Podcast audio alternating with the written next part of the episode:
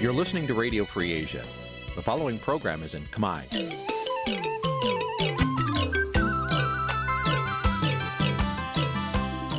នេះជាកម្មវិធីផ្សាយ Vuthu Azizi Serai នេះជាកម្មវិធីផ្សាយរបស់ Vuthu Azizi Serai ជាភាសាខ្មែរ Vuthu Azizi Serai សូមស្វាគមន៍លោកអ្នកនាងទាំងអស់ពីរដ្ឋធានី Washington នៃសហរដ្ឋអាមេរិក បាទប្រធានាទីវ៉ាស៊ីនតោនហ៊ីម៉ាទីនសាការីយ៉ាសូមជម្រាបសួរលោកនាងកញ្ញាទាំងអស់ជាទីមេត្រីខ្ញុំបាទសូមជូនកម្មវិធីផ្សាយសម្រាប់ព្រឹកថ្ងៃអង្គារ800ខែកដិកឆ្នាំថោះបញ្ញាស័កពុរសករាជ2567នៅនៅថ្ងៃទី5ខែធ្នូគ្រិស្តសករាជ2023បាទជាដំបូងនេះសូមអញ្ជើញលោកនាងកញ្ញាស្ដាប់ព័ត៌មានប្រចាំថ្ងៃដែលមានមេត្តាដូចតទៅ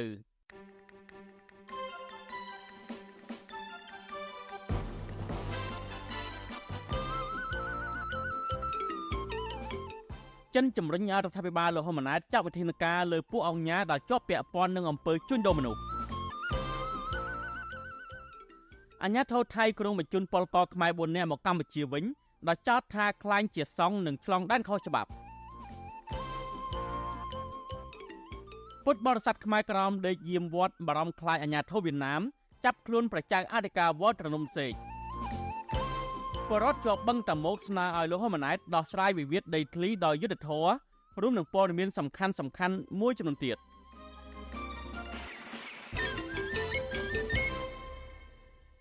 បាទលោកនាងជាទីមេត្រីជាបន្តទៅទៀតនេះខ្ញុំបាទទីនសាការីយ៉ាសូមជូនព័ត៌មានពុស្ដាបទអក្រិតកម្មជួញដូរមនុស្សមិនត្រឹមតែរារាំងការអភិវឌ្ឍសង្គមកម្ពុជាប៉ុណ្ណោះទេប៉ុន្តែថែមទាំងបង្កភាពស្មុគស្មាញដល់ប្រទេសចិនគណៈភាគីចិនតែងតែទទូចឲ្យកម្ពុជាទប់ស្កាត់ និងបង្ក្រាបបញ្ហាជួញដូរមនុស្សឲ្យមានប្រសិទ្ធភាពអ្នកខ្លោមើលពីបញ្ហាសង្គមនិងនយោបាយអះអាងថាបញ្ហាជួញដូរមនុស្សនៅកម្ពុជាបើសិនជាគ្មានអ្នកមានអំណាចជាប់ពាក់ព័ន្ធក្នុងការជួយសម្របសម្រួលក៏អាជីវកម្មបែបអក្រិតនេះមិនអាចដំណើរការបានដែរក្រុមអ្នកខ្លោមើលរំពឹងតិចតួចលើរដ្ឋាភិបាលលោកហ៊ុនម៉ាណែតលើចំណាត់ការសម្អាតអ្នកមានអំណាចដែលជាប់ពាក់ព័ន្ធនឹងអំពើជួញដូរមនុស្សគណៈក្រុមអង្គការមួយចំនួន ដែលរងការចោទប្រកាន់ថាជាប់ពាក់ព័ន្ធនឹងអំពើជួញដូរមនុស្សកន្លងមកនោះរដ្ឋាភិបាលមិនទាន់មានវិធានការនៅឡើយប្រធានអង្គការសម្ព័ន្ធភាពការពារសិទ្ធិមនុស្សកម្ពុជាហៅកាត់តាច្រាក់លោករស់សុថាប្រាប់វិទ្យុអស៊ីសេរីនៅថ្ងៃទី4ធ្នូថារដ្ឋាភិបាលអាចនឹងពិចារណាចាត់វិធានការលើបុគ្គលមួយចំនួនដែលសង្ស័យថាជាប់ពាក់ព័ន្ធនឹងការជួញដូរមនុស្សដើម្បីផ្គប់ចិត្តចិនខណៈដែលមានការរិះគន់ថាបរដ្ឋចិនមួយចំនួន ប្រព្រឹត្តអំពើជួញដូរមនុស្សបានជះឥទ្ធិពលអវិជ្ជមានដល់សេដ្ឋកិច្ចនៃប្រទេសចិន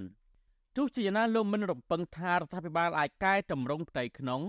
ដើម្បីស៊ើបអង្កេតមន្ត្រីដែលប្រព្រឹត្តអំពើពុករលួយនិងដោះស្រាយបញ្ហាជួញដូរមនុស្សនេះឲ្យមានប្រសិទ្ធភាពនោះទេ។ វាជាការខ្មាស់អៀនមួយដែលដែលកម្ពុជាជាប្រទេសធិបតេយ្យក៏បានប្រទេសចិនគេបារម្ភពីបញ្ហាសិទ្ធិមនុស្សនោះទៅជាមានការអន្តរាគមន៍ចំពោះប្រទេសកម្ពុជាដាក់សម្ពាធអីមកប្រទេសកម្ពុជាវិញទីមួយពាក់ព័ន្ធទៅរឿងសបផ្សាយលើកមុនពាក់ព័ន្ធថាការជួញដូរមនុស្សរដ្ឋាភិបាលធ្វើការហាមឃាត់ដែរសំណុំពរប្រទេសចិនក៏ដូចជាមិនឃើញមានការឆ្លើយតបពីប្រទេសចិនជាវិជាមានទៅតាមសំណុំពរដែរទី2ឥឡូវនេះបញ្ហាការគៀបសង្កត់ឲ្យរដ្ឋាភិបាលខ្មែរដោះស្រាយបញ្ហារឿងអង្គការដែលប្រព្រឹត្តជីវកម្មមិនស្របច្បាប់ហ្នឹង ប្រតិកម្មរបស់មន្ត្រីសង្គមស៊ីវិលបែបនេះធ្វើឡើងបន្ទាប់ពីកាសែត The Diplomat បានរាយការណ៍កាលពីថ្ងៃទី1ធ្នូថារដ្ឋាភិបាលលោកហ៊ុនម៉ាណែតកំពុងប្រឈមនឹងរងសម្ពាធពីប្រទេសចិនក្នុងការលុបបំបាត់ក្រុមអង្គការដែលជាប់ពាក់ព័ន្ធនឹងបញ្ហាជួញដូរមនុស្សនៅកម្ពុជា ប្រពន្ធដដាលលើកឡើងថាក្រុមជនស៊ីវិលប្រមាណជាង1000នាក់នៅកម្ពុជាទទួលបានងារអង្គការដើម្បីផ្ដល់សេវាកម្ម ឬបំរើផលប្រយោជន៍ដល់រដ្ឋាភិបាលប៉ុន្តែក្រុមអង្គការទាំងនោះមួយចំនួនជាប់ពាក់ព័ន្ធនឹងបញ្ហាជួញដូរមនុស្សការឆោបោកនិងអំពើពុករលួយ ហើយរដ្ឋាភិបាលចិន ដែលជាមិត្តដៃថៃកម្ពុជានោះចង់ឲ្យកម្ពុជាលុបបំបាត់អង្គការណាដែលជាប់ពាក់ព័ន្ធនឹងអំពើខុសច្បាប់ទាំងនេះរបាយការណ៍ស៊ើបអង្កេតមួយរបស់អង្គការកំណត់ប្រួយផ្ដើមសកល ប្រឆាំងនឹងអក្រកម្មឆ្លងដែន Global Initiative ចេញផ្សាយកាលពីខែកញ្ញាឆ្នាំ2022ដែលដាក់ចំណងជើងថាទីក្រុងប្រស័យហនុជាមជ្ឈមណ្ឌលប្រមូលផ្ដុំនៃអក្រិតកម្មសង្កត់ធ្ងន់ថារដ្ឋាភិបាលចិននឹងខិនសម្បាយ៉ាងខ្លាំងនឹងពួកអង្គការមួយចំនួនដែលបានរារាំងកិច្ចខិតខំប្រឹងប្រែងលុបបំបាត់ការជួញដូរមនុស្សរដ្ឋាភិបាលចិនលើកឡើងថាអំពើរបស់អង្គការទាំងនោះបានធ្វើឲ្យប៉ះពាល់ដល់កេរ្តិ៍ឈ្មោះរបស់រដ្ឋាភិបាលចិន វិទ្យុអាស៊ីសេរីមិនអាចតតងរដ្ឋលេខាធិការក្រសួងមហាផ្ទៃនិងជាអនុប្រធានអចិន្ត្រៃយ៍នៃគណៈកម្មាធិការជាតិប្រយុទ្ធប្រឆាំងនឹងអំពើជួញដូរមនុស្សអ្នកស្រីជូប៊ុនអេងដើម្បីសំសួរអំពីបញ្ហានេះបានឡើយទេនៅថ្ងៃទី4ធ្នូប៉ុន្តែអ្នកស្រីធ្លាប់ប្រាប់វិទ្យុអាស៊ីសេរីថារដ្ឋាភិបាលគ្មានការស៊ើបអង្កេតលើក្រុមអង្គការមួយចំនួនដែលរងការចោទប្រកាន់ជំវិញនឹងរឿងប្រព្រឹត្តអំពើជួញដូរមនុស្សនៅកម្ពុជានេះទេ អ្នកស្រីអះអាងថាការស៊ើបអង្កេតប្រព្រឹត្តទៅបានលុះត្រាតែមានការប្តឹងមកកាន់តុលាការដើម្បីចេញដីកាឲ្យសមត្ថកិច្ចស៊ើបអង្កេតលើករណីនេះកម្ពុជានិងចិនបានបដិញ្ញាកសាងជោគវាសនាជាតិរួមគ្នា ហើយកន្លងមកភាគីទាំងពីរក៏បានអះអាងបដិញ្ញាលុបបំបាត់អក្រិតកម្មឆ្លងដែននិងបញ្ហាជួញដូរមនុស្សនេះដែរក៏ប៉ុន្តែអ្នកខ្លោមើលពីបញ្ហាសង្គមមើលឃើញថាអំពើជួញដូរមនុស្សនៅកម្ពុជាហាក់គ្មានភាពធូរស្រាលនោះទេ គណៈសមាជិករាយការណ៍ពីការបង្ក្រាបជនល្មើសពាក់ព័ន្ធនឹងការប្រព្រឹត្តអំពើជួញដូរមនុស្សនេះជាបន្តបន្ទាប់ប្រធានអង្គការសម្ព័ន្ធភាពការពារសិទ្ធិមនុស្សកម្ពុជាអកតចរៈលោករស់សុថាលើកឡើងថាកម្ពុជាជាប្រទេសប្រជាធិបតេយ្យដូច្នេះរដ្ឋាភិបាលគួរតែមានចំហអាយក្រិចលើខ្លួនឯងនិងបង្ហាញឆន្ទៈរឹតបន្តឹងច្បាប់ឲ្យបានម៉ឺងម៉ាត់ជាជាងចាំទទួលបញ្ជាពីបរទេសណាមួយ ដោយគ្នាដែរ អ្នកសិក្សាកិច្ចការសង្គមនិងនយោបាយលោកប៉ៅមករាមានប្រសាសន៍ថារដ្ឋាភិបាលគួរតែដោះស្រាយបញ្ហាជួញដូរមនុស្សនេះឲ្យមានប្រសិទ្ធភាព នៅមុនពេលរដ្ឋាភិបាលចិនលើកឡើងជាកង្វល់ពីព្រោះបញ្ហាអក្រិតកម្មនេះបានធ្វើឲ្យប៉ះពាល់ដល់សេដ្ឋកិច្ចជាតិធ្ងន់ធ្ងរលោកទទូចដល់រដ្ឋាភិបាលចាត់វិធានការលើមន្ត្រី និងអ្នកមានអំណាចទាំងឡាយណាដែលសង្ស័យថាប្រព្រឹត្តអំពើពុករលួយ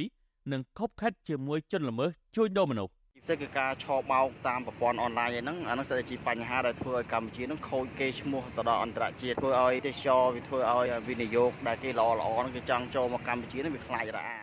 រយៈពេល2ឆ្នាំចុងក្រោយនេះអាមេរិកបានដាក់កម្ពុជាក្នុងបញ្ជីខ្មៅដោយសារតែរកឃើញថា កម្ពុជា នៅតែមានស្ថានភាពអាក្រក់រឿងជួញដូរមនុស្សខណៈដែលអំពើពុករលួយ នៅតែជាឧបសគ្គក្នុងការរារាំងដល់ការអនុវត្តច្បាប់លើក្រុមជនល្មើស ដែលប្រព្រឹត្តអំពើជួញដូរមនុស្សនៅកម្ពុជា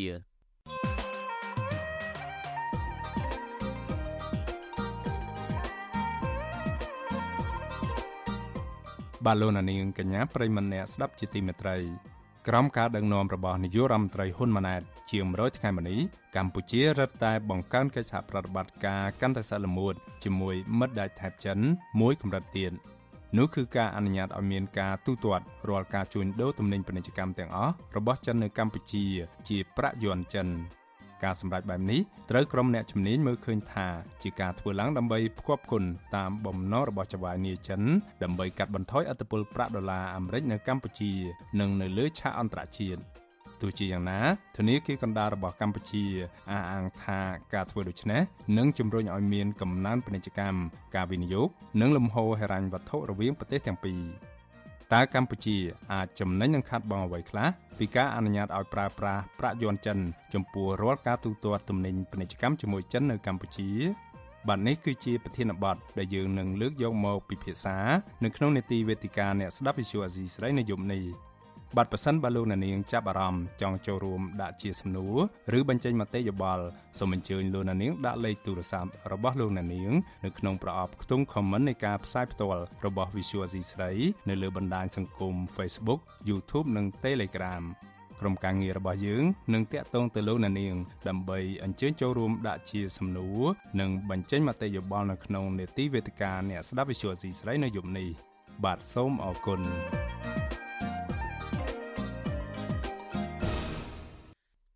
បានលុញទីមេត្រីនៅឯប្រទេសថៃឯនៅវិញអាញាធរថៃបានចាប់ខ្លួនពលរដ្ឋខ្មែរចំនួន4នាក់ដែលស្លៀកពាក់ជាប្រសង់និងក្រុងបញ្ជូនមកកម្ពុជាវិញដែលចោតប្រកាន់ពួកគេថាលួចចូលដីថៃនិងក្លែងបន្លំធ្វើជាប្រសង់ដល់រៀងគៀសប្រាក់ពីបរដ្ឋថៃដែលខុសច្បាប់មន្ត្រីអង្គការសង្គមស៊ីវិលលើកឡើងថាកត្តាជីវភាពទើបបណ្ដាលឲ្យបរដ្ឋខ្មែរទាំងនោះប្រថុយប្រឋានគ្រោះថ្នាក់នៅលើទឹកដីថៃបែបនេះទោះបីជាទង្វើពួកគេបានធ្វើនោះខុសច្បាប់ក៏ដោយ។ បញ្ហានេះមន្ត្រីសង្គមស៊ីវិលស្នើឲ្យរដ្ឋាភិបាល ជួយដោះស្រាយការបង្កើតការងារក្នុងស្រុកឲ្យបានច្រើន បាទប្រធានាធិបតីវ៉ាស៊ីនតោនលោកច័ន្ទដារ៉ូរីកាព័រមីននេះ ព្រះសង្ឃកំពុងសិក្សានៅប្រទេសថៃ និងមន្ត្រីសង្គមស៊ីវិលព្រួយបារម្ភពីសុខទុក្ខរបស់ពលរដ្ឋខ្មែរ4នាក់ក្រោយពេលប៉ូលីសអន្តោប្រវេសន៍ថៃចុះចាប់ពួកគេតាក់ទងករណីឆ្លងដែនខុសច្បាប់និងបន្លំធ្វើជាប្រសង់ដើរបិណ្ឌបាតនៅស្រុកស៊ីរាឆាខេត្តឈុនបុរីកាលពីថ្ងៃទី1ខែធ្នូ ព្រះដាច់ព្រះគុណវឿនភិសិទ្ធគង់នៅវត្តព្រះប្រទានពរក្នុងស្រុកសៀរាឆា មានថេរដីកាប្រាប់វិទ្យុអស៊ីសេរីនៅថ្ងៃទី4ខែធ្នូថាពលរដ្ឋខ្មែរដែលអាជ្ញាធរថៃចាប់ខ្លួននោះស្នាក់នៅអាស្រមក្នុងព្រៃបោះចោលមួយកន្លែង នៅក្បែរវត្តរបស់ព្រះអង្គគង់នៅ ព្រះអង្គបន្តថាពួកគេបានឆ្លងដែនខុសច្បាប់ពីកម្ពុជា ស្វែងរកការងារធ្វើនៅប្រទេសថៃដោយក្រងជីវរកោសក់ធ្វើជាសងដើរបិណ្ឌបាតអង្គាប្រាក់ម្ហូបអាហារពីពុទ្ធបរិស័ទថៃនៅតាមភូមិនិងផ្សារដើម្បីចិញ្ចឹមជីវិត និងផ្គត់ផ្គង់គ្រួសារនៅស្អែស្រុកកំណើតព្រះអង្គវឿនពិសិដ្ឋ ថាបញ្ហាដែលធ្វើឲ្យប៉ះពាល់ដល់កិត្តិយសជាតិនិងតម្លៃសាសនាលើឆាកអន្តរជាតិដោយសារតែរដ្ឋាភិបាលកម្ពុជាអសមត្ថភាពក្នុងការបង្កើតការងារធ្វើជូនពលរដ្ឋឲ្យរស់នៅសមរម្យនៅក្នុងប្រទេសវាណយធមហើយវាវាអាប់អោនកិត្តិយសវាអាប់អោនគេឈ្មោះដល់ប្រជាពលរដ្ឋខ្មែរយើងនៅក្នុងឆាក អន្តរជាតិនឹងវាវាអត់គូមានណាវាគ្រប់ស្ថាប័ននៅក្នុងប្រទេសខ្មែរវាគិតគូអំពីប្រជាពលរដ្ឋឲ្យបានល្អិតល្អន់គេគិតតែពីរឿងបពុគេគិតតែពីរឿងផលប្រយោជន៍ក្រុមគ្រួសាររបស់គេអញ្ចឹងធ្វើឲ្យប្រជាពលរដ្ឋខ្មែរគឺធ្វើគ្រប់ពីមុខគឺគ្រប់សពបែបយ៉ាងទាំងអស់នឹងគឺធ្វើមេដើម្បីឲ្យរស់ កាសែតបាងកកប៉ុបានចុះផ្សាយការពីថ្ងៃទី1ខែធ្នូថាប៉ូលីសថៃបានចាប់ខ្លួនសង្ឃខ្មែរនៅស្រុកស៊ីរាឆាដោយមិនមានលិខិតឆ្លងដែនឬលិខិតធ្វើដំណើរអ្វីឡើយក្រៅពីរកឃើញកន្លែងស្នាក់នៅក្នុងព្រៃឫស្សីលើភ្នំប៉ូលីសក៏បានរកឃើញរបស់របរធ្វើម្ហូប និងសម្ភារៈនៅក្នុងផ្ទះមួយចំនួន បន្ទាប់ពីពលរដ្ឋថៃរស់នៅមូលដ្ឋាននោះរាយការណ៍ បន្ទាប់ពីសាកសួររួចតឡាការថៃបានចោទប្រកាន់បរិសុទ្ធខ្មែរទាំង4នាក់នោះពីបទលួចចូលដីថៃនិងក្លែងបន្លំជាព្រះសង្ឃដោយខុសច្បាប់ហើយសមត្ថកិច្ចថៃនឹងបញ្ជូនពួកគេទៅកម្ពុជាវិញបន្ទាប់ពីអនុវត្តតាមច្បាប់របស់ប្រទេសនេះវិទ្យុអាស៊ីសេរីមិនអាចតាក់ទងแนะនាំពាក្យក្រសួងការបរទេសកម្ពុជាលោកអានសុខឿននិងមន្ត្រីកុងស៊ុលរងទី1នៃស្ថានទូតកម្ពុជាប្រចាំប្រទេសថៃ លោកផៃលឿនដើម្បីបញ្ជាក់ជុំវិញរឿងនេះបានទេនៅថ្ងៃទី4ខែធ្នូនេះជុំវិញរឿងនេះមន្ត្រីគម្រោងនៃមជ្ឈមណ្ឌលសម្ព័ន្ធភាពការងារនិងសិទ្ធិមនុស្សរបស់អង្គការសង្ត្រាល់លោកលឹងសុផុនមើលឃើញថាករណីអាញាធរថៃចាប់ពលករខ្មែរក្លែងជាព្រះសង្ឃនិងគ្មានឯកសារត្រឹមត្រូវជារឿងគួរឲ្យព្រួយបារម្ភហើយពួកគេត្រូវប្រឈមជាប់គុក45ថ្ងៃ មុនបញ្ជូនមកប្រទេសកំណើតវិញ លោកយល់ថារដ្ឋាភិបាលត្រូវយកចិត្តទុកដាក់ដោះស្រាយបញ្ហាជីវភាពរបស់ពលរដ្ឋឲ្យមានប្រសិទ្ធភាពជាងបច្ចុប្បន្នពីព្រោះចំណុចខ្វះខាតនេះបានទាញឲ្យពលរដ្ឋខ្មែរមួយចំនួនលួចឆ្លងដែនចូលទឹកដីថៃដោយខុសច្បាប់ ស្ថាប័នពាក់ព័ន្ធដូចជាខាងស្ថានទូតខាងដែលគាត់មានទូនាទីខាងហ្នឹងគួរតែមានវិធានការណាមួយដើម្បីជួយជ្រោមជ្រែងពួកគាត់ដោះស្រាយបញ្ហាហ្នឹងដើម្បីកាត់បន្ថយឬក៏ដើម្បីកុំឲ្យមានបញ្ហាអញ្ចឹងចឹងកើតឡើងអញ្ចឹងសម្រាប់ប្រជាពលរដ្ឋខ្មែរព្រោះព្រោះការបង្ហាញបែបហ្នឹងធ្វើឲ្យប្រជាជនខ្មែរប្រជាពលរដ្ឋខ្មែរយើងហ្នឹងវាមិនល្អមើលទេមើលទៅដោយសារតែពួកយើងឆ្លងដែនហើយពេលខ្លះទៅប៉ូលីសចាប់បានទៅគេថាចោតប្រកាន់យើងពីខុសច្បាប់ផ្សេងផ្សេងអញ្ចឹងណា មន្ត្រីសង្គមស៊ីវិលស្នើឲ្យរដ្ឋាភិបាលរៀបចំផែនការឲ្យបានច្បាស់លាស់ដើម្បីឆ្លើយតបនឹងបញ្ហាប្រឈមទាំងនោះដោយមានការផ្សព្វផ្សាយបញ្ហាប្រឈមពីការចំណាក់ស្រុកខុសច្បាប់ឲ្យបានទូលំទូលាយបង្ហាញគោលនយោបាយគ្រប់គ្រងពីតម្រូវការចាំបាច់ដាក់បំរាមកំណត់ចំពោះការផ្អាកបំណុលធនាគារនិងជំរុញផលិតផលដាំដុះក្នុងស្រុកពួកគេថាប្រសិនបើរដ្ឋាភិបាលនៅតែមិនដោះស្រាយបញ្ហាទាំងនេះទេ នោះពលរដ្ឋនឹងនៅតែធ្វើចំណាក់ស្រុកខុសច្បាប់ និងរងគ្រោះកាន់តែច្រើនខ្ញុំបាទច័ន្ទដារោវុទ្ធុអាស៊ីសេរី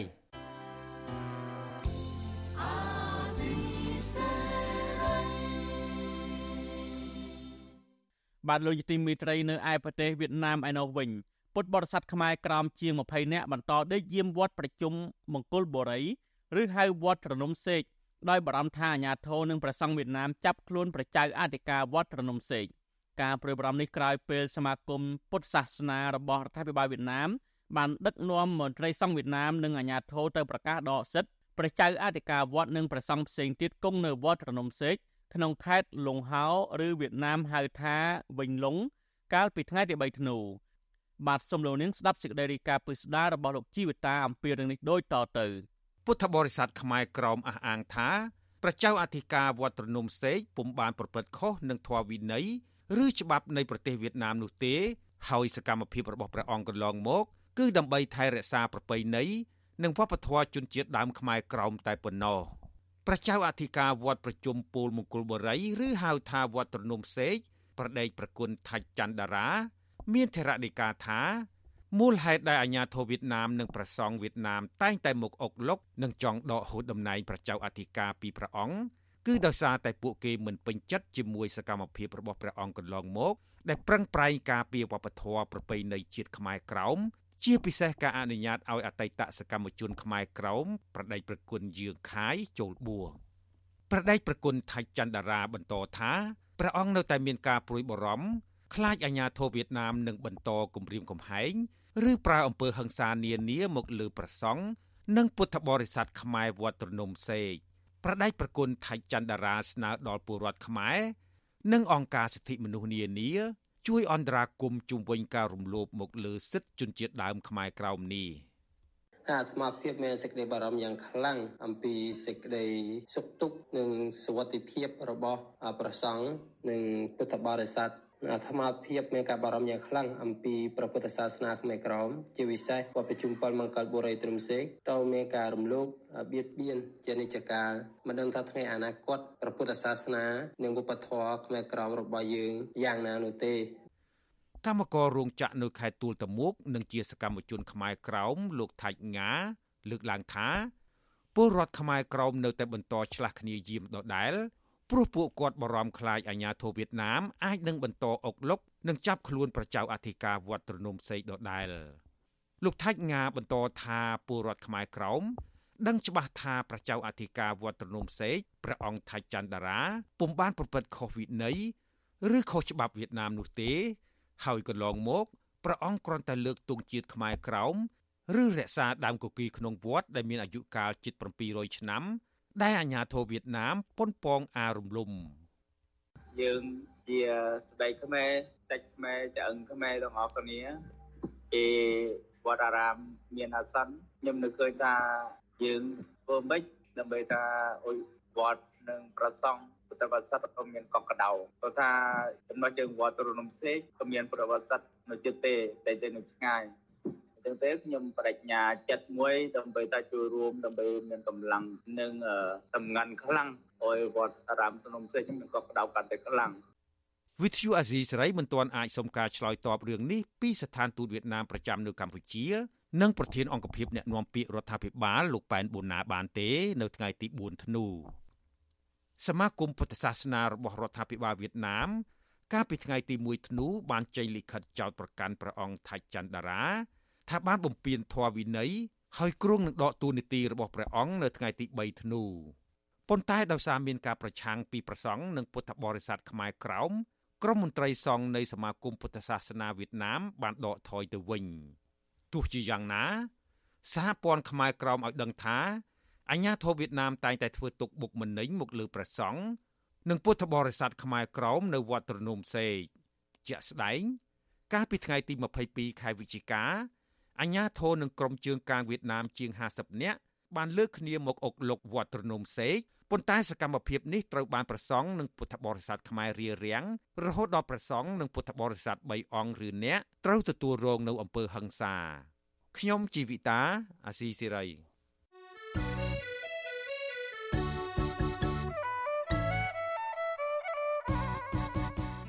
បាទលោកនាងជាទីមេត្រីកម្មវិធីផ្សាយរបស់វិទ្យុអាស៊ីសេរី ផ្សាយដំណើរគ្នាតាមរលកធាតុអាកាសខ្លីឬ Shortwave ដូចតទៅនេះពេលព្រឹកចាប់ពីម៉ោង5កន្លះដល់ម៉ោង6កន្លះតាមរយៈប៉ុស SW 93.90 MHz ស្មើនឹងកម្ពស់ 32m និងប៉ុស SW 11.85 MHz ស្មើនឹងកម្ពស់ 25m ពេលយប់ចាប់ពីម៉ោង7កន្លះដល់ម៉ោង8កន្លះតាមរយៈប៉ុស SW 93.30 MHz ស្មើនឹងកម្ពស់ 32m ប៉ុស SW 11.88 MHz ស្មើនឹងកម្ពស់ 25m និងប៉ុស SW 15.15 MHz ស្មើនឹងកម្ពស់ 20m បាទសូមអរគុណ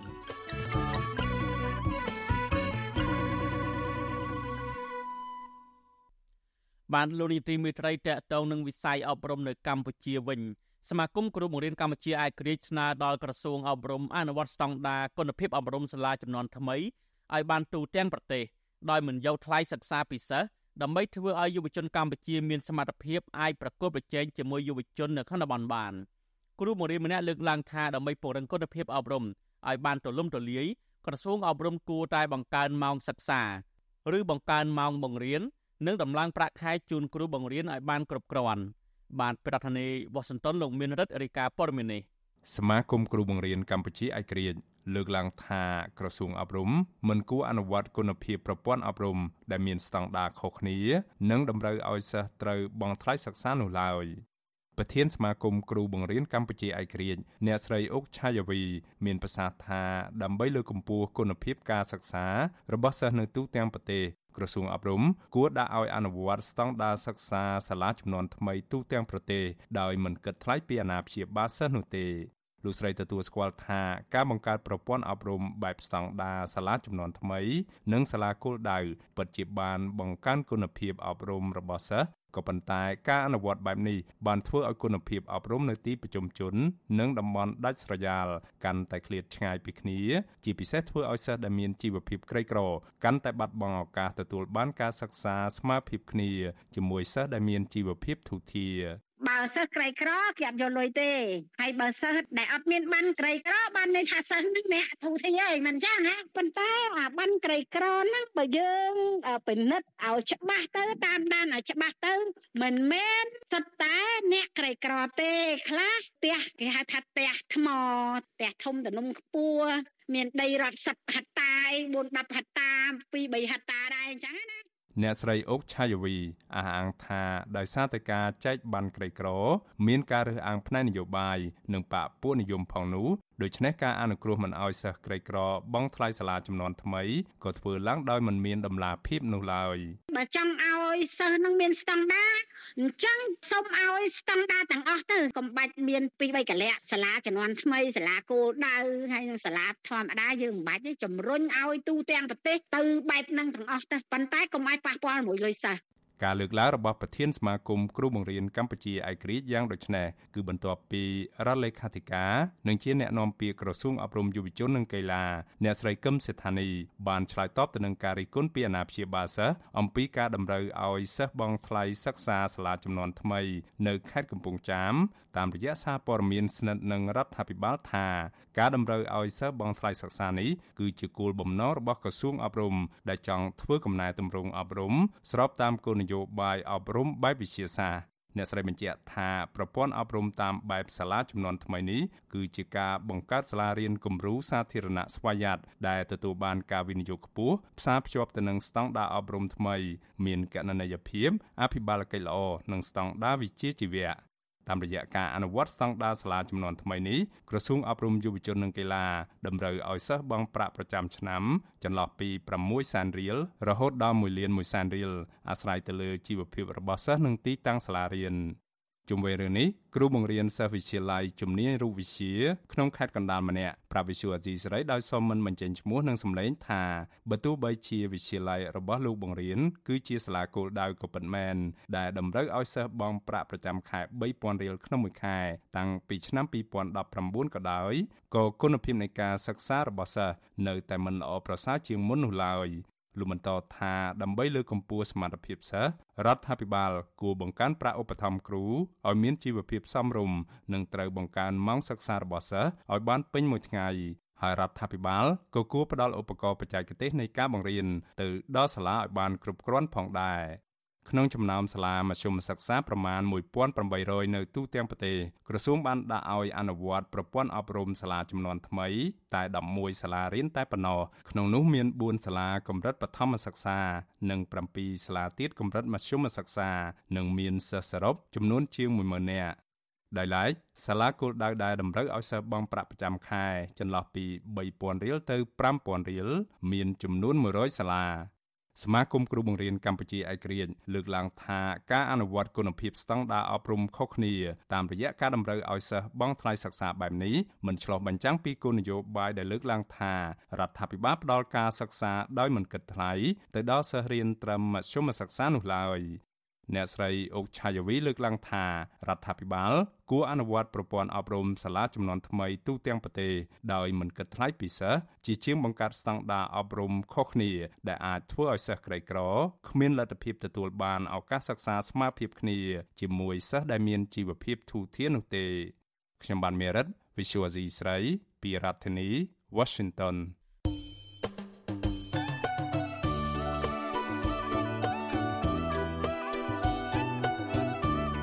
ទលោកនាយកទីមេត្រីក្នុងឱកាសនេះដែរខ្ញុំបាទសូមថ្លែងអំណរគុណដល់លោកនាងកញ្ញាទាំងអស់ដែលតែងតែមានភក្ដីភាពចំពោះការផ្សាយរបស់យើងហើយចាត់ទុកការស្ដាប់វិទ្យុអាស៊ីសេរីជាផ្នែកមួយនៃសកម្មភាពប្រចាំថ្ងៃរបស់លោកនាងការគ្រប់គ្រងរបស់លោកនាងនេះហើយដែលធ្វើឲ្យយើងខ្ញុំមានទឹកចិត្តកាន់តែខ្លាំងថែមទៀតក្នុងការស្វែងរកនិងផ្តល់ព័ត៌មានជូនលោកនាង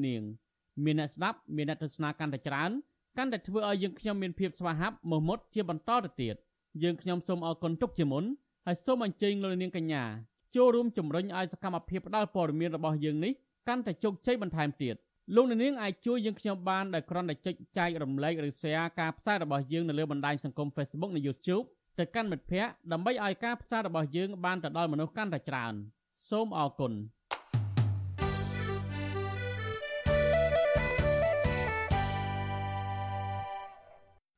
បានលោកនាងទីមេត្រីតកតងនឹងចំនួនដីធ្លីនៅតំបន់បឹងតមោកដរ៉ាំរ៉ៃវិញបរដ្ឋនិងសង្គមស៊ីវិលធ្វើការផ្នែកសិទ្ធិមនុស្សនិងដីធ្លីស្នើអរដ្ឋាភិបាលអាណត្តិថ្មីនេះពន្យាការដោះស្រាយវិវាទដីធ្លីជូនបរដ្ឋរងគ្រោះនៅជាប់បឹងតមោក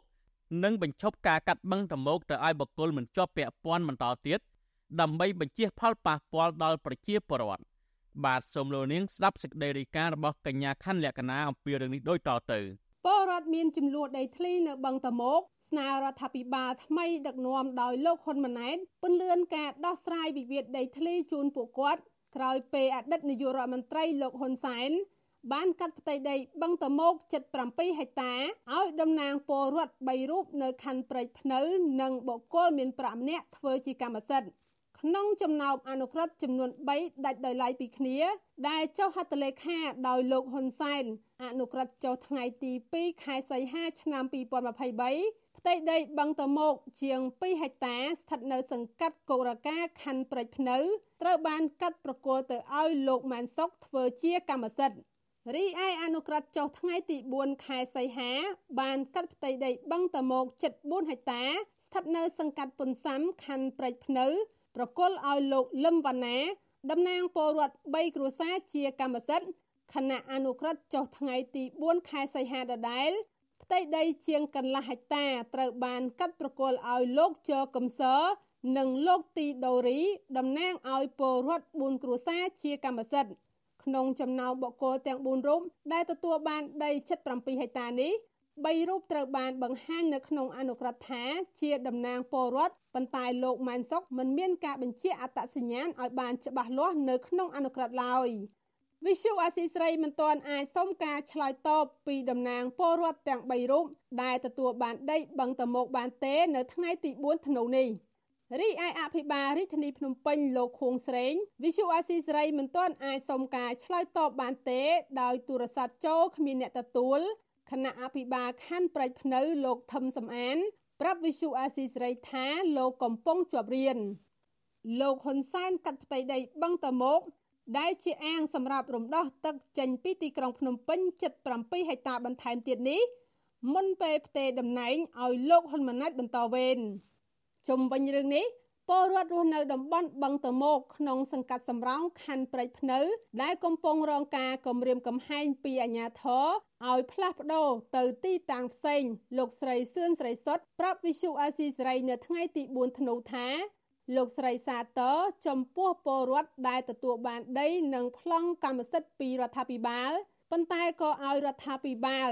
ជួយដោះស្រាយវិវាទដីធ្លីដល់សហគមន៍លោកស្រី ដែលបាននាំគ្នាតវ៉ាប្រមាណ4ឆ្នាំហើយ នៅតែមិនទាន់ទទួលបានដំណោះស្រាយនៅឡើយ ជាប់មិនមិនតឡាការហើយដីក៏មិនទាន់មានដំណោះស្រាយហើយសូមឲ្យរាជរដ្ឋាភិបាលដឹកនាំថ្មីបណ្ឌិតប្រវត្តិហ៊ុនម៉ាណែតនឹងឲ្យលោកចិត្តគូកាត់ជ្រៀដីដោយសង្កាត់គុំសាំងដែរទៅព្រោះពួកខ្ញុំមិនប៉ះដីអនុក្រឹត្យហើយក៏មិនប៉ះដីចំណីផ្លូវដែរស្រដៀងគ្នានេះដែរលោកស្រីសៀដាវីលើកឡើងដែរថាគាត់និងពលរដ្ឋជាច្រើនផ្សេងទៀតមិនទាន់ទទួលបានដំណោះស្រាយនៅឡើយទេ លោកស្រីអះអាងថា ពួកគាត់នឹងមិនចាក់ចេញទៅណាឡើយបើទោះបីជារងការគំរាមកំហែងពីអាជ្ញាធរនិងជាប់បណ្ដឹងនៅតុលាការក៏ដោយលោកស្រីស្នើទៅរដ្ឋាភិបាលអាណត្តិទី7ដឹកនាំដោយលោកហ៊ុនម៉ាណែតជួយពន្លឿនការដោះស្រាយវិវាទដីធ្លី និងអន្តរាគមន៍ទៅតុលាការឲ្យទម្លាក់ចោលបទចោទប្រកាន់លើពួកគាត់ផងដែរសិនជាគាត់តាំងចិត្តថាគាត់ដោះស្រាយវាដោះស្រាយវាមិនដែរ គាត់ទុកចោលចំណុំរឿងនឹងទុកឲ្យប្រជាពលរដ្ឋពេលជំនាញតោកយ៉ាខ្លះគាត់ប្រាស់គ្រួសារទៅចំណាក់ជ្រុករកស៊ីអីចឹងទៅវាពិបាកមែនទែនថាបើរដ្ឋាភិបាលគាត់មានចិត្តដោះស្រាយនឹងមានអីពិបាកទេវាមិនមែនជារឿងអីថាធំដុំអស្ចារ្យដោយរដ្ឋាភិបាលដោះស្រាយចេញទេសិតតែបណ្ឌិតយើងមើលទៅអ្នកដឹកនាំតែបណ្ឌិតសិតតែចាប់បរិញ្ញាបត្រស្អីស្អីណាគាត់ដែរទីប្រឹក្សារាប់រយរាប់ពាន់អ្នកដោះស្រាយរឿងប៉ុណ្ណឹងចេញហ្នឹងទៅដឹកនាំប្រទេសជាតិយ៉ាងម៉េចតេតិនរឿងនេះ អ្នកសម្របសម្រួលគម្រោងធុរកិច្ចនិងសិទ្ធិមនុស្សរបស់មជ្ឈមណ្ឌលសិទ្ធិមនុស្សកម្ពុជាលោកវ៉ាន់សុផាតថ្លែងថារដ្ឋាភិបាលអាណត្តិថ្មីនេះគួរពិចារណាកាត់ជ្រៀតដីនិងធ្វើប្លង់ឲ្យប្រជាពលរដ្ឋដែលកំពុងមានចំនួននិងដែលរស់នៅតំបន់ជុំវិញបឹងនោះយូរមកហើយដើម្បីបញ្ចប់វិវាទនិងកុំឲ្យពួកគាត់បន្តរងគ្រោះឬដើរតវ៉ាបន្តទៀតលោកថាបើរដ្ឋាភិបាលនៅតែមិនអើពើដោះស្រាយនោះទេ ចំនួននេះនឹងប៉ះពាល់មុខមាត់រដ្ឋាភិបាលចាស់និងរដ្ឋាភិបាលដែលទៅបឡើងដឹកនាំថ្មីរដ្ឋាភិបាលហ្នឹងមានលទ្ធភាពគ្រប់គ្រាន់លើសពី100%ទៀតដែលត្រូវកាត់ឲ្យគាត់ណាតែត្រូវដែលផ្ដល់ជាកម្មសិទ្ធិឲ្យគាត់ហ្នឹងតែបែរជាមិនអះគ្រោះគាត់ហើយនៅធ្វើបាបគាត់ចឹងអាហ្នឹងវាជាការគួរសោកស្ដាយហើយជាការរំលោភទឹកនោះមួយដ៏ធ្ងន់ធ្ងរស្ដែងស្ដែងដែលរដ្ឋាភិបាលមិនមានក្រែងរឯងចំពោះប្រជាពលរដ្ឋ ខ្លួនឯងចំពោះមតិជាតិនិងអន្តរជាតិក្រៅពីស្នើឲ្យដោះស្រាយវិវាទដីធ្លីជូនពលរដ្ឋនោះលោកក៏ស្នើរដ្ឋាភិបាលរក្សាផ្ទៃដីបឹងតមោកដែលនៅសល់ជាង20%ដោយឈប់កាត់ឲ្យក្រុមហ៊ុនឯកជនបុគ្គលមានប្រាក់ឬអ្នកមានអំណាចបន្ថែមទៀតពីព្រោះប្រសិនបើផ្ទៃបឹងធម្មជាតិមួយនេះបាត់បង់នោះនឹងបង្កឲ្យមានទឹកជន់លិចក្រុង និងបង្កផលប៉ះពាល់ដល់បរិស្ថានផ្សេងៗជាដើម។ ផ្ទៃដីបឹងតមោកមានទំហំសរុបជាង3200ហិកតាប៉ុន្តែចាប់ពីឆ្នាំ2018ដល់ឆ្នាំ2023រដ្ឋាភិបាលក្រោមការដឹកនាំរបស់លោកហ៊ុនសែនបានកាត់ផ្ទៃដីបឹងនេះជាង70លើករួចមកហើយនិងសរុបជាផ្ទៃដីដែលត្រូវបានកាត់មានទំហំជាង2000ហិកតា ឬស្មើនឹងជាង73%ខណៈផ្ទៃដីជាង2000ហិកតាដែលលោកហ៊ុនសែនបានកាត់នោះ គឺប្រកល់ទៅឲ្យខ្សែស្រឡាយរបស់លោក និងមន្ត្រីជាន់ខ្ពស់របស់លោក នៅក្នុងជួរគណៈបកប្រជាជនកម្ពុជាព្រមទាំងមន្ត្រីជាន់ខ្ពស់នៃកងរាជអាវុធហត្ថជាដើមខ្ញុំខណ្ឌលក្ខណាវិសុអាស៊ីសេរី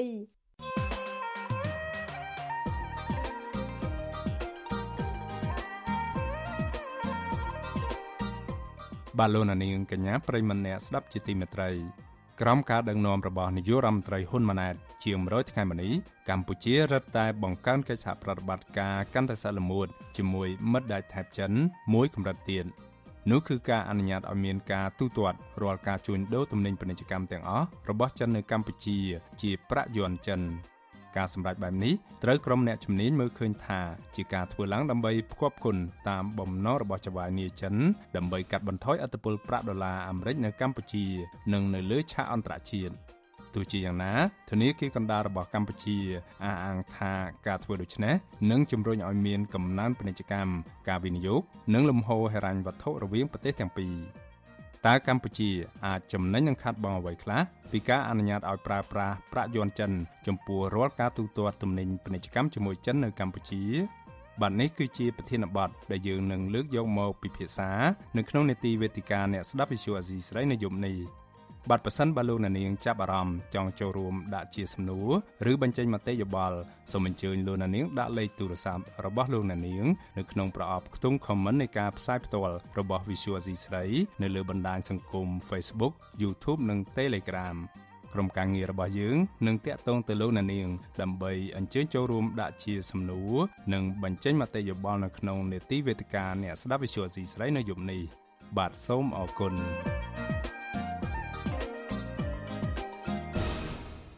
បាទលោកទីមួយត្រីនៅខេត្តស្ទឹងត្រែងឯនោះវិញតឡាការខេត្តស្ទឹងត្រែងបានចេញដីកាបញ្ជាឲ្យនាំខ្លួនសកម្មជនការពីប្រៃឡង់ម្នាក់ជាជនជាតិដើមភាគតិចគួយក្រមពាក្យបណ្ដឹងរបស់ប្រធានមន្ត្រីបរិស្ថានខេត្តលោកស្រេងជាហេងបាទទន្ទឹមនឹងតឡាការបញ្ជាឲ្យចាប់ខ្លួនសកម្មជនការពីប្រៃឈើនេះបាត់ល្មើសប្រៃឈើនៅខេត្តស្ទឹងត្រែងនៅតែបន្តកើតមានប៉ុន្តែប្រធានមន្ត្រីបរិស្ថានខេត្តនេះពុំបានចាត់វិធានការចាប់ជនល្មើសទាំងនោះទេ បាទតើរឿងរ៉ាវនេះយ៉ាងណាខ្លះបាទសូមលោកនាងស្ដាប់សេចក្តីរាយការណ៍របស់លោកមានរិទ្ធមួយទៀតអំពីរឿងនេះសកម្មជនការពីប្រៃឡង់ខេត្តស្ទឹងត្រែងលោកអុកម៉ៅប្រាវិសុវស៊ីស្រីនៅថ្ងៃទី4ខែធ្នូថាលោកនឹងចូលខ្លួនឆ្លើយបំភ្លឺតាមដីការបស់តុលាការនិងត្រៀមបង្ហាញភ័ស្តុតាងមួយចំនួនទៀតដើម្បីបញ្ជាក់ថាលោកមិនបានប្រព្រឹត្តកំហុសដោយតាមការចោទប្រកាន់នោះឡើយ លោកអ៊ុងម៉ៅចាត់ទុកពាក្យបណ្ដឹងនេះថាជារឿងគំនុំដែលមន្ត្រីបរិស្ថានព្យាយាមរកកំហុសដើម្បីដាក់សម្ពាធឲ្យលោកឈប់រិះគន់អាជ្ញាធរដែលមិនបានទប់ស្កាត់បទល្មើសព្រៃឈើមន្ត្រីបរិស្ថាននេះគាត់ខឹងគាត់ខឹងខ្ញុំមកនិយាយរឿងព្រៃឈើប៉ះពាល់ក្នុងបាយរបស់គាត់ហ្នឹងហើយបាទហើយចុះមកគាត់ចេះតែប្តឹងខ្ញុំទៅពីទៅពីដីជនជាតិដើមភាគតិចគាត់គាត់ប្រើប្រាស់យូរហើយតាំងពី79មកដីហ្នឹងមិន កាលពីថ្ងៃទី21ខែវិច្ឆិកាចៅក្រមស៊ើបសួរនៃសាលាដំបងខេត្តស្ទឹងត្រែងលោកម៉ងសូហាន បានចេញដីកាបង្គាប់ឲ្យលោកអុកម៉ៅវ័យ57ឆ្នាំចូលខ្លួនបំភ្លឺនៅថ្ងៃទី13ខែធ្នូខាងមុខនេះដោយចោទប្រកាន់ពីបទកាប់គាស់រុករានដីព្រៃឆ្កាដុតនិងឈូសឆាយដីព្រៃដើម្បីធ្វើជាកម្មសិទ្ធិដែលបានប្រព្រឹត្តទៅនៅក្នុងភូមិមន្លងភេឃុំមន្លងភេនៃស្រុកថ្លាបរវត្តខេត្តស្ទឹងត្រែង កាលពីថ្ងៃទី24ខែមីនាលោកអុកម៉ៅបកស្រាយថាដីដែលគ្រួសារលោកធ្វើកសិកម្មចិញ្ចឹមជីវិត មានទំហំសរុប9ហិកតា ដែលលោកបានទិញបន្តពីជនជាតិដើមភាគតិចគួយ ដែលអាស្រ័យផល ក្រោយឆ្នាំ1979ហើយដីខ្លះទៀតគឺជាដីបោះដោយមានដីចំការអ្នកស្រុកហុំព័ទ្ធជុំវិញ លោកថាដីទាំងនេះគឺជាតំបន់ប្រពៃណីជនជាតិដើមភាគតិចនិងជាអាយុជីវិតគ្រួសាររបស់លោក មានមេភូមិនិងមេឃុំទទួលស្គាល់ពុំមែនជាដីព្រៃនោះទេអ្នកភូមិម្នាក់ជាជនជាតិដើមភាគតិចគួយ លោកម៉ៅមុន ប្រាប់វិសុវស៊ីស្រីថា ដីកសិកម្មដែលមន្ត្រីបរិស្ថានធ្វើជាមូលដ្ឋានប្តឹងលោកអុកម៉ៅគឺជាដីចំការអាស្រ័យផលរបស់ជនជាតិដើមភាគតិចពុំមែនជាដីព្រៃឡង់នោះទេមានប៉ះពាល់ឯណាគេជុំវិញហ្នឹងគេធ្វើបានដាំដំណាំសំឡូងអីធម្មតាតែបងអត់មានអីកើតបើអត់មានគាត់អត់មានប្រព្រឹត្តណាកើតគាត់ ឆ្លើយតបនឹងរឿងនេះអ្នកនាំពាក្យសាលាដំបងខេត្តស្ទឹងត្រែងលោកឈុំសៀងហាក់មានប្រសាសន៍ថាប្រសិនបើលោកអុកម៉ៅចូលខ្លួនឆ្លើយបំភ្លឺតាមនីតិវិធីរបស់ចៅក្រមនោះតឡាការនឹងមិនឃុំខ្លួនគាត់នោះទេគាត់ទៅបើសិនជាគាត់ចូលមកឆ្លើយឬតាមការគេប្រហែលហ្នឹងវាឡសម្រាប់គាត់ព្រោះនេះជាដើម្បីឆ្លើយការពីផលប្រយោជន៍របស់គាត់ទេ Visual C ស្រីមិនទាន់អាចតាក់ទងសុំការអធិប្បាយជុំវិញរឿងនេះពីប្រធានមន្ត្រីបរិស្ថានខេត្តស្ទឹងត្រែងលោកស្រេងជាហេងបាននៅឡើយទេនៅថ្ងៃទី4ខែធ្នូជុំវិញរឿងនេះមន្ត្រីពង្រឹងសិទ្ធិអំណាចសហគមន៍មូលដ្ឋាននៃសមាគមអាត6ប្រចាំខេត្តស្ទឹងត្រែងលោកប៉ែនប៊ុណាពន្យល់ថាប្រពៃណីរបស់ជនជាតិដើមភាគតិចគួយ មានទម្លាប់អាស្រ័យផលព្រៃឈើឬធ្វើកសិកម្មនៅចន្លោះព្រៃឬហៅថាដីបោះមិនខុសច្បាប់នោះទេ លោកចាត់ទុកសំណុំរឿងនេះថាជារឿងអយុត្តិធម៌សម្រាប់សកម្មជនការពារព្រៃឈើស្របពេលដែលដីព្រៃអភិរក្សជាច្រើនពាន់ហិកតា នៅក្នុងតំបន់ព្រៃឡង់ត្រូវគេកាប់ទន្ទ្រានធ្វើជាកម្មសិទ្ធិកម្រឃើញមានមន្ត្រីបរិស្ថាន បញ្ជូនសំណុំរឿងទៅតុលាការនិងដកហូតដីជាសម្បត្តិរដ្ឋមកវិញខ្ញុំបានមេរិត Visual Asia ស្រីពីរដ្ឋធានី Washington បាទលោកទីមិត្តរីតទៅនឹងការកាប់ទន្ទ្រានព្រៃវិញ បណ្ដាញសហគមន៍ព្រៃឡង់ចំនួន2ខេត្តនៅតែបន្តរកឃើញបទល្មើសព្រៃឈើនិងការកាប់ទន្ទ្រានដីព្រៃធ្វើជាកម្មសិទ្ធិនៅក្នុងដែនចម្រុះសត្វព្រៃឡង់ដោយមិនឃើញមានអាជ្ញាធរពាក់ព័ន្ធចោះបង្ក្រាបនិងទប់ស្កាត់បទល្មើសនោះទេបាទសូមលោកនាងស្ដាប់សេចក្តីរាយការណ៍របស់លោកជាតិចំណានបណ្ដាញសហគមន៍ព្រៃឡង់អះអាងថារយៈពេល2យប់3ថ្ងៃគឺចាប់ពីថ្ងៃទី28ដល់ថ្ងៃទី30ខែវិច្ឆិកាពួកគេរកឃើញបទល្មើសព្រៃឈើ30ករណី និងការកាប់ទន្ទ្រានដីព្រៃធ្វើជាកម្មសិទ្ធិជាង40ហិកតា ស្ថិតនៅក្នុងដែនជម្រកសត្វព្រៃឡង់អ្នកសម្របសម្រួលបណ្ដាញសហគមន៍ព្រៃឡង់ខេត្តកំពង់ធំលោកហ៊ឿនសុភីបប្រាប់វិសុអេស៊ីស្រីនៅថ្ងៃទី4ខែធ្នូថារយៈពេល2យប់3ថ្ងៃសហគមន៍របស់លោករកឃើញការកាប់ទន្ទ្រានដីព្រៃធ្វើជាកម្មសិទ្ធិក្នុងតំបន់ព្រៃឡង់ជាច្រើនហិកតាដោយមិនឃើញមានអាជ្ញាធរពាក់ព័ន្ធចុះបង្ក្រាបនិងចាត់វិធានការចំពោះជនល្មើសនោះទេលោកស្នើដល់អាជ្ញាធរពាក់ព័ន្ធចុះទប់ស្កាត់បទល្មើសទាំងនោះ ប្រសើរជាងការធ្វើទុកបុកម្នេញទៅលើអ្នកការពារព្រៃឈើគឺយើងស្នើសុំឲ្យមានការចូលរួមទោះបីជាតំបន់ការពារតំបន់អភិរក្សពិតមែនប៉ុន្តែតំបន់ទាំងនោះគឺជាតំបន់រួមបាទសូមឲ្យសហគមន៍មូលដ្ឋានចូលរួមជាមួយនឹងមន្ត្រីជាមួយនឹងអាជ្ញាធរផងព្រោះបើសិនជាឲ្យពួកគាត់ចុះតែក្រុមពួកគាត់ខ្ញុំគិតថាធ្វើ200ឆ្នាំទៀតក៏មិនអាចមានប្រសិទ្ធភាពដែរដោយសារអំពើពុករលួយ សមាជិកបណ្ដាញសហគមន៍ព្រៃឡង់ខេត្តព្រះវិហារលោកខេមសុខីឲ្យដឹងថាបាត់ល្មើសព្រៃឈើក្នុងតំបន់ព្រៃឡង់នៅតែបន្តកើតមានបើទោះបីជារដ្ឋមន្ត្រីក្រសួងបរិស្ថានប្រកាសពីការបដិញ្ញាចិត្តមិនលើកលែងឲ្យជនល្មើសណាក្តីដោយសារតែមន្ត្រីថ្នាក់ក្រោមអាវ៉ាត់ទាំងនោះមិនបានអនុវត្តការងារតាមបទបញ្ជារបស់រដ្ឋមន្ត្រីក្រសួងបរិស្ថានឡើយពលមន្ត្រីទាំងអស់នោះនៅតែបន្តខុបខិតគ្នាជាមួយនឹងជនល្មើសបាក់ដៃឲ្យមានការកាប់ឈើយ៉ាងសេរីនៅក្នុងតំបន់ការពារមួយនេះ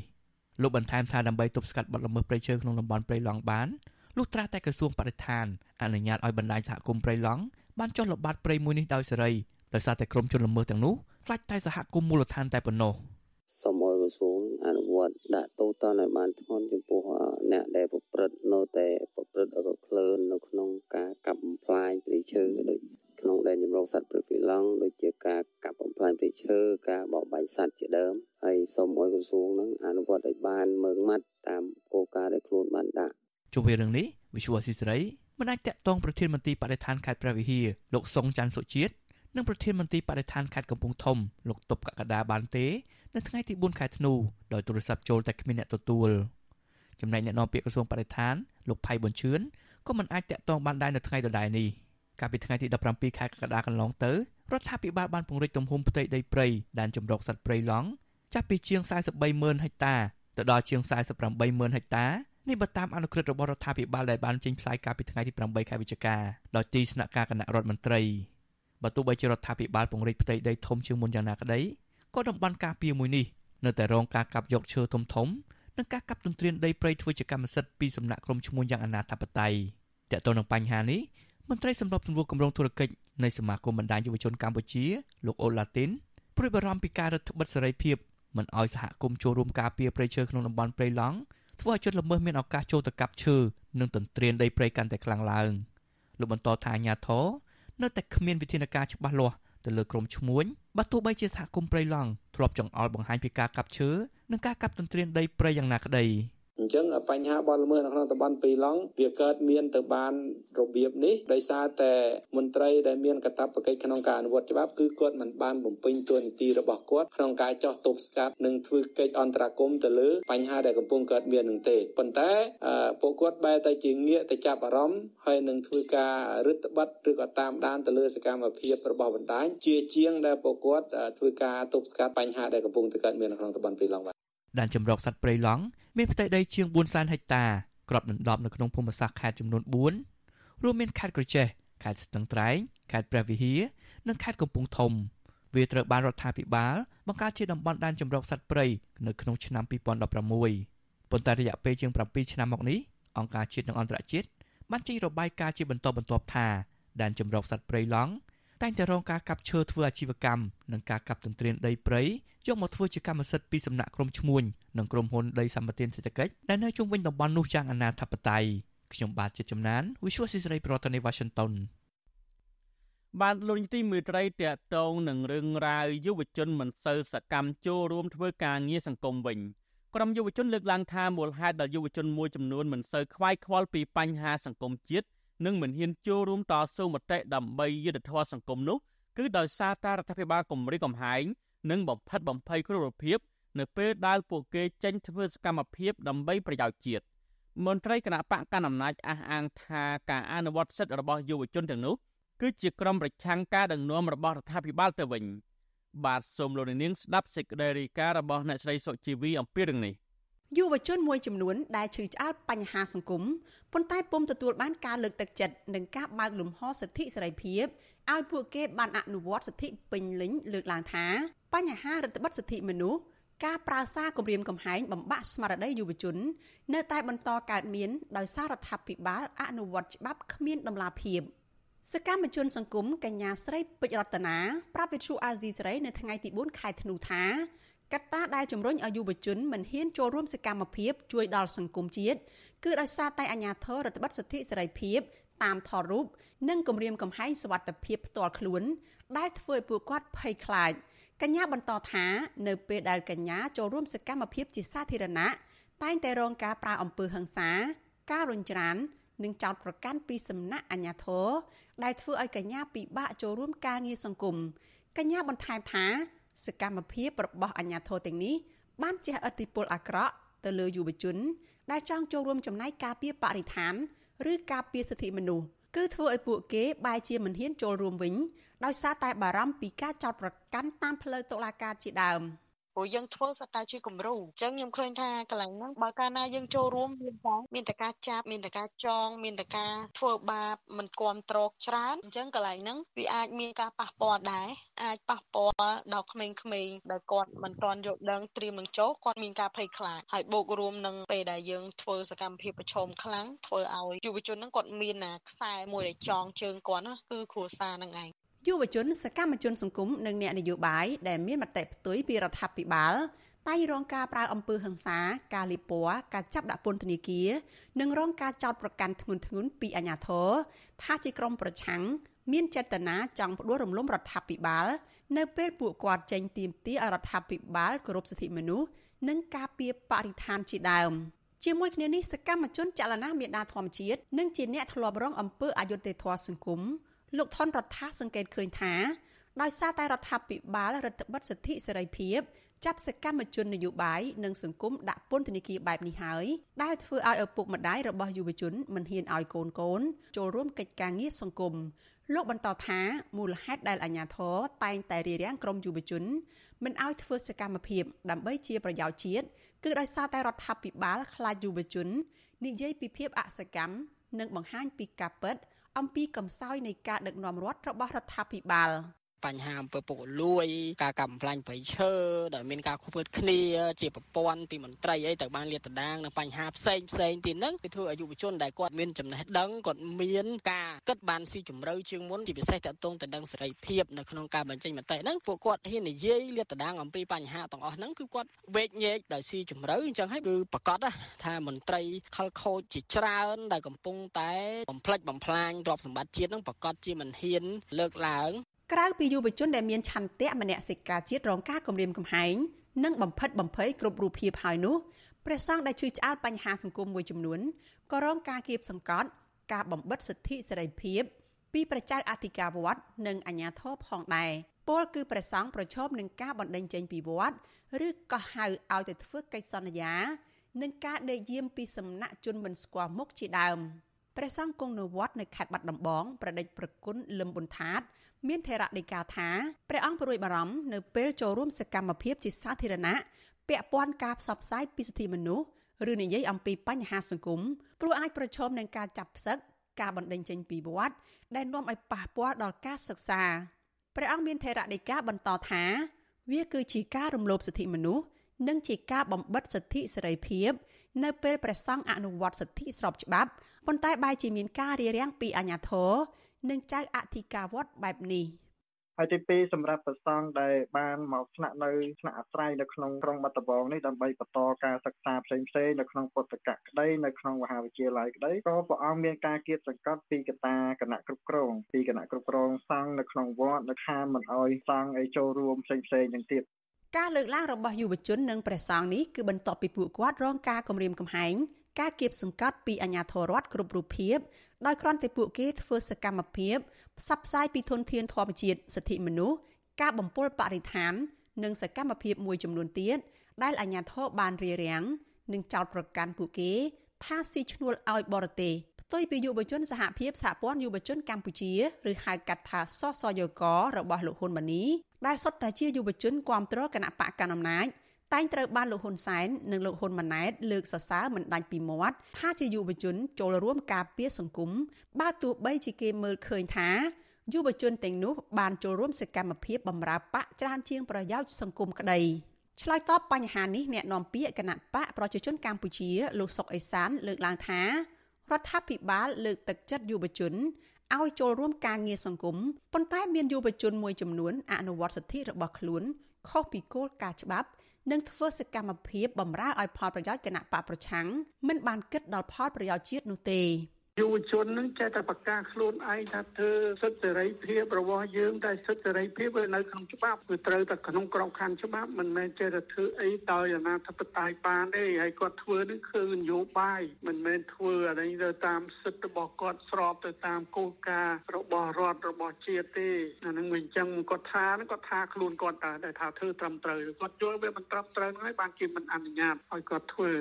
ជុំវិញបញ្ហានេះនាយកទទួលបន្ទុកកិច្ចការទូតនៃអង្គការសិទ្ធិមនុស្សលីកាដូលោកអំសំអាតយល់ស្របចំពោះការលើកឡើងរបស់យុវជនព្រោះសំបីតែអង្គការក្រៅរដ្ឋាភិបាលបច្ចុប្បន្នក៏រងការរដ្ឋបិទនិងគៀបសង្កត់ពីអាជ្ញាធរដែរលោកបន្តថាការលើកឡើងរបស់មន្ត្រីបកកាន់អំណាចបែបនេះនាំឲ្យមានការយល់ច្រឡំហើយរដ្ឋាភិបាលនៅតែយល់ឃើញថា ការអនុវត្តសិទ្ធិរបស់យុវជននិងអង្គការសង្គមស៊ីវិលមួយចំនួនគឺជាការបម្រើឲ្យនិន្នាការគណៈបកនយោបាយទៅវិញ។ បាទខ្ញុំថាការលើកឡើងនេះវាជាឥទ្ធិពលដែលវាធ្វើឲ្យជនមានការរារែកហើយមានការបារម្ភទាក់ទងនឹងសុវត្ថិភាពរបស់ខ្លួនក្នុងការចូលរួមការងារសង្គមណាអញ្ចឹងហើយបានយើងជាអង្គការសង្គមស៊ីវិលយើងសូមនៅតែទទូចថាសូមឲ្យមានការបើកលំហឲ្យបានពេញលេញសម្រាប់សេរីភាពនិងសិទ្ធិរបស់ពលរដ្ឋដែលធានាដោយរដ្ឋធម្មនុញ្ញធានាដោយបទដ្ឋានអន្តរជាតិនិងច្បាប់ហ្នឹងបាទរបាយការណ៍ស្ទង់មតិយុវជនស្ដីពីគោលនយោបាយរបស់អង្គការដំឡាភិបកម្ពុជា ចេញកាលពីខែតុលាឆ្នាំ2022រកឃើញថាយុវជនកម្ពុជា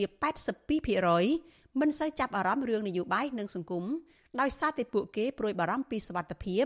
និងយល់ថានយោបាយគឺជារឿងគ្រោះថ្នាក់មន្ត្រីសង្គមស៊ីវិលបារម្ភថាការរដ្ឋបិទលំហសង្គមស៊ីវិលនិងការបិទស្ថាប័នសារព័ត៌មានឯករាជ្យជាដើមធ្វើឲ្យពលរដ្ឋក្នុងនោះក៏មានយុវជនផងមិនហ៊ានចូលរួមការងារសង្គម ពីព្រោះពួកគេភ័យខ្លាចពីសវត្ថិភាពឬគ្រោះថ្នាក់ដល់អាយុជីវិតប៉ុន្តែទោះជាបែបនេះក្តីក្រមយុវជននិងមន្ត្រីអង្គការសង្គមស៊ីវិល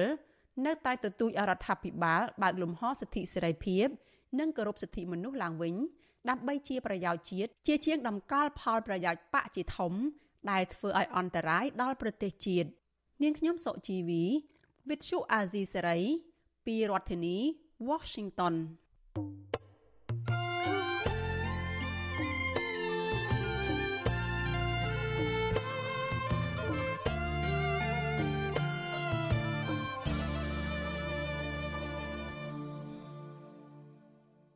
បានលោកនាយកទីមេត្រីតេតទៅនឹងចិនពិការវិញមន្ត្រីអង្គការសង្គមស៊ីវិលស្នើដល់រដ្ឋាភិបាលឲ្យបង្កើនការផ្ដល់ឱកាសនិងបណ្ដោះបណ្ដាលជំនាញវិជ្ជាជីវៈដល់ជនពិការពួកគាត់មើលឃើញថារដ្ឋាភិបាលមានគោលនយោបាយគាំពៀជនពិការល្អប្រសើរហើយប៉ុន្តែការអនុវត្តវិញពុំបានល្អប្រសើរនោះទេ បាទសូមលោកនាងស្ដាប់សេចក្តីរាយការណ៍របស់លោកនៅវណ្ណរិនអំពីរឿងនេះដូចតទៅ មន្ត្រីសង្គមស៊ីវិលលើកឡើងថារដ្ឋាភិបាលមានគោលនយោបាយមួយចំនួន ដែលល្អប្រសើរសម្រាប់ជនមានពិការភាពប៉ុន្តែគោលនយោបាយទាំងនោះពុំបានគ្របដណ្ដប់លើជនពិការភាពទូទាំងប្រទេសនៅឡើយនោះទេនាយកអង្គការជនពិការកម្ពុជា លោកស្រីម៉ាក់ម៉ូនីកា មានប្រសាសន៍ប្រាប់វិទ្យុអាស៊ីសេរីនៅថ្ងៃទី4ធ្នូថាលោកស្រីកត់សម្គាល់ឃើញថានៅរយៈពេលចុងក្រោយនេះ រដ្ឋាភិបាលកំណត់យកគោលនយោបាយប្រសើរច្រើន ដែលផ្ដល់អត្ថប្រយោជន៍ដល់ជនពិការភាពដូចជាការទៅទទួលសេវាសុខភាព និងការជិះឡានក្រុងដោយមិនបង់ប្រាក់ជាដើម អ្នកស្រីបន្ថែមថាទោះគោលនយោបាយទាំងនោះល្អប្រសើរក្តីក៏នៅមិនទាន់បានផ្ដល់ឲ្យជនពិការទាំងអស់បានគ្រប់តម្រូវការនោះដែរដោយសារតែជនពិការភាពមានច្រើនទម្រង់និងមានភាពលំបាកផ្សេងផ្សេងគ្នា អ្វីដែលជាអនុសាសន៍របស់ខ្ញុំបន្ទាល់ហ្នឹងដើម្បីជួយមានពិការភាពលោកទទួលបានសិទ្ធិពេញលេញហ្នឹងទី1បង្កើនការចូលរួមជួយមានពិការភាពឲ្យបានគ្រប់ប្រភេទនៅក្នុងរាល់ event ទាំងអស់តកតងនឹងរាល់សកម្មភាពអស់ដែលតកតងពីគាត់ហើយតកតងរឿងការដែលស្ដារលទ្ធភាពពលកម្មក៏ជាចំណុចសំខាន់ហើយវិសេវាស្ដារសុខភាពអីផ្សេងផ្សេងតែគម្ពីរសង្គមគឺជាចំណុចមួយសំខាន់ដែរហើយរដ្ឋាភិបាលលោកគួរតែគិតថាមានកញ្ចប់ថវិកាណាមួយដើម្បីជួយជំរុញឲ្យគាត់បានទទួលបានថវិកានឹងអញ្ចឹងណាបងពីគិតគម្ពីរសង្គម រដ្ឋាភិបាលបានប្ររពទិវាជនមានពិការភាពកម្ពុជាលើកទី25និងទិវាជនមានពិការភាពពិភពលោកលើកទី41នៅឆ្នាំ2023នៅសាលមហោស្រពកោះពេជ្រក្នុងរាជធានីភ្នំពេញ កាលពីថ្ងៃទី4ខែធ្នូនៅក្នុងពិធីនោះដែររដ្ឋមន្ត្រីក្រសួងសង្គមគិច្ចអតីតយុទ្ធជន និងយុវនីតិសម្បទាលោកជាសុមេធី បានបង្ហាញរបាយការណ៍អង្កេតសេដ្ឋកិច្ចសង្គមឆ្នាំ2021របស់ក្រសួងសង្គមគិច្ចថាអត្រាជនមានពិការភាពនៅកម្ពុជា មានចំនួន90ម៉ឺននាក់ស្មើនឹង5.3%នៃចំនួនប្រជាជនសរុបលោកបន្តថាកត្តាដែលបណ្ដាលឲ្យមានជនពិការនៅកម្ពុជា គឺបណ្ដាលមកពីជំងឺ ការខ្វះអាហារូបត្ថម្ភដំណពូជគ្រោះថ្នាក់ចរាចរណ៍គ្រោះថ្នាក់ការងារ អំពើហិង្សា គ្រោះមហន្តរាយនិងគ្រោះថ្នាក់ដោយសារកាកសំណល់ជាតិផ្ទុះពីសង្គ្រាមជាដើមលោកបន្ថែមថាក្រសួងមហាផ្ទៃក្រសួងវប្បធម៌និងក្រសួងមួយចំនួនទៀតកំពុងរៀបចំកន្លែងផ្ដល់សេវាសាធារណៈទីវត្តអារាម និងហេដ្ឋារចនាសម្ព័ន្ធនានា ដើម្បីសម្រួលដល់ការរស់នៅ និងការធ្វើដំណើររបស់ជនមានពិការភាព ក្នុងពិធីនោះដែរ លោកនាយករដ្ឋមន្ត្រីហ៊ុនម៉ាណែតបានផ្ដល់អនុសាសន៍មួយចំនួន ដើម្បីជំរុញលើកកម្ពស់ជនមានពិការភាព រួមមានការបង្កើនការធ្វើវិនិយោគលើវិស័យជនមានពិការភាព ដោយពង្រឹងការអនុវត្តយុទ្ធសាស្ត្រកសាងសមត្ថភាពផ្ដល់អាទិភាពលើការបណ្ដុះបណ្ដាលជំនាញរបស់ជនពិការភាពកែសម្រួលរបស់របរប្រើប្រាស់នៅតាមទីសាធារណៈដើម្បីងាយស្រួលដល់ជនពិការ និងលើកទឹកចិត្តដល់វិស័យឯកជននិងរដ្ឋ ដោយត្រូវភ្ជាប់កាតព្វកិច្ចជ្រើសរើសជនមានពិការភាពឲ្យចូលបម្រើការងារដោយគ្មានការរើសអើងជាដើមទី8គ្រប់ក្រសួងស្ថាប័នព្រមទាំងអាជ្ញាធរមានសមត្ថកិច្ចគ្រប់លំដាប់ថ្នាក់អង្គការដៃគូពាក់ព័ន្ធនិងវិស័យឯកជនបន្តពង្រឹងអនុវត្តច្បាប់និងលិខិតបទដ្ឋានគតិយុត្តដែលមានស្រាប់និងបន្តចូលរួមគំនិតផ្ដួចផ្ដើមបន្ថែមទៀតលើកិច្ចការពីនិងលើកកម្ពស់សិទ្ធិជនពិការតេតិននឹងបញ្ហានេះ អ្នកសម្របសម្រួលផ្នែកឃ្លាំមើលការរំលោភសិទ្ធិមនុស្សនៃអង្គការការពារសិទ្ធិមនុស្សលីកាដូក្នុងខេត្តបាត់ដំបង លោកអិនគង្ជិតប្រាប់វិទ្យុអាស៊ីសេរីកាលពីថ្ងៃទី3ខែធ្នូថាលោកសង្កេតឃើញថាមានជនពិការតែងតែរស់នៅក្នុងស្ថានភាពលំបាកលំបិនមួយវិញទៀតចំពោះកុមារដែលមានពិការភាពតែងតែពិបាកធ្វើដំណើរទៅទទួលសេវាអប់រំដែលជាហេតុទាមទារឲ្យរដ្ឋាភិបាលបង្កើនការបណ្ដុះបណ្ដាលជំនាញវិជ្ជាជីវៈ ដល់ពួកគេជាពិសេសនៅតំបន់ដាច់ស្រយាលលោកបន្ថែមថាចំពោះអតីតយុទ្ធជនមួយចំនួន ដែលរស់នៅជាប់ព្រំដែនថៃ ដូចជានៅស្រុកកំរៀងស្រុកសំពៅលូនខេត្តបាត់ដំបង នៅពុំទាន់ទទួលបានប្រាក់សោធននិវត្តន៍នៅឡើយនោះទេយើងក៏សំណូមពរដល់ក្រសួងសង្គមកិច្ចជួយគ្រប់គ្រងឬប្រមូលដល់ជនពិការភាពឬក៏យុវជនពិការភាពខ្លះដែលគាត់មានចង់មានបំណិនជីវិតផ្សេងផ្សេងដែលគាត់ចង់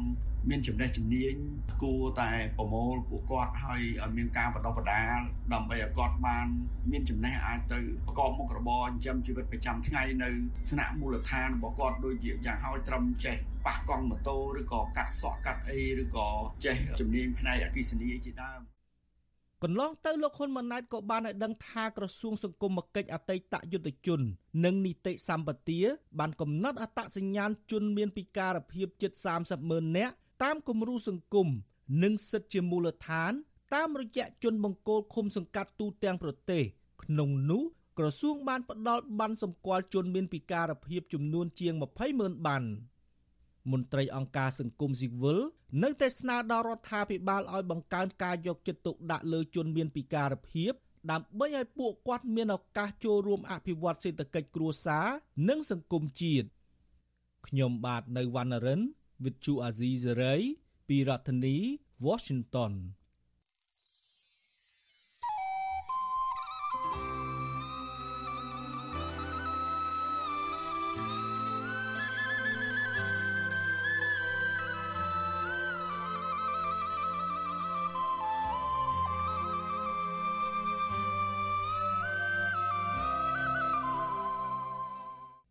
បាទលោកនាងជាទីមេត្រីការផ្សាយរយៈពេល1ម៉ោងនៃវិទ្យុអាស៊ីសេរីជាភាសាខ្មែរនៅពេលនេះចប់តែប៉ុណ្ណេះយើងខ្ញុំសូមជូនពរដល់លោកនាងព្រមទាំងក្រុមគ្រួសារទាំងអស់ឲ្យជួបប្រកបតែនឹងសេចក្តីសុខចម្រើនរុងរឿងកុំបីឃ្លៀងឃ្លាតឡើយខ្ញុំបាទទីនសាករិយាព្រមទាំងក្រុមការងារទាំងអស់នៃវិទ្យុអាស៊ីសេរីសូមអរគុណនិងសូមជម្រាបលា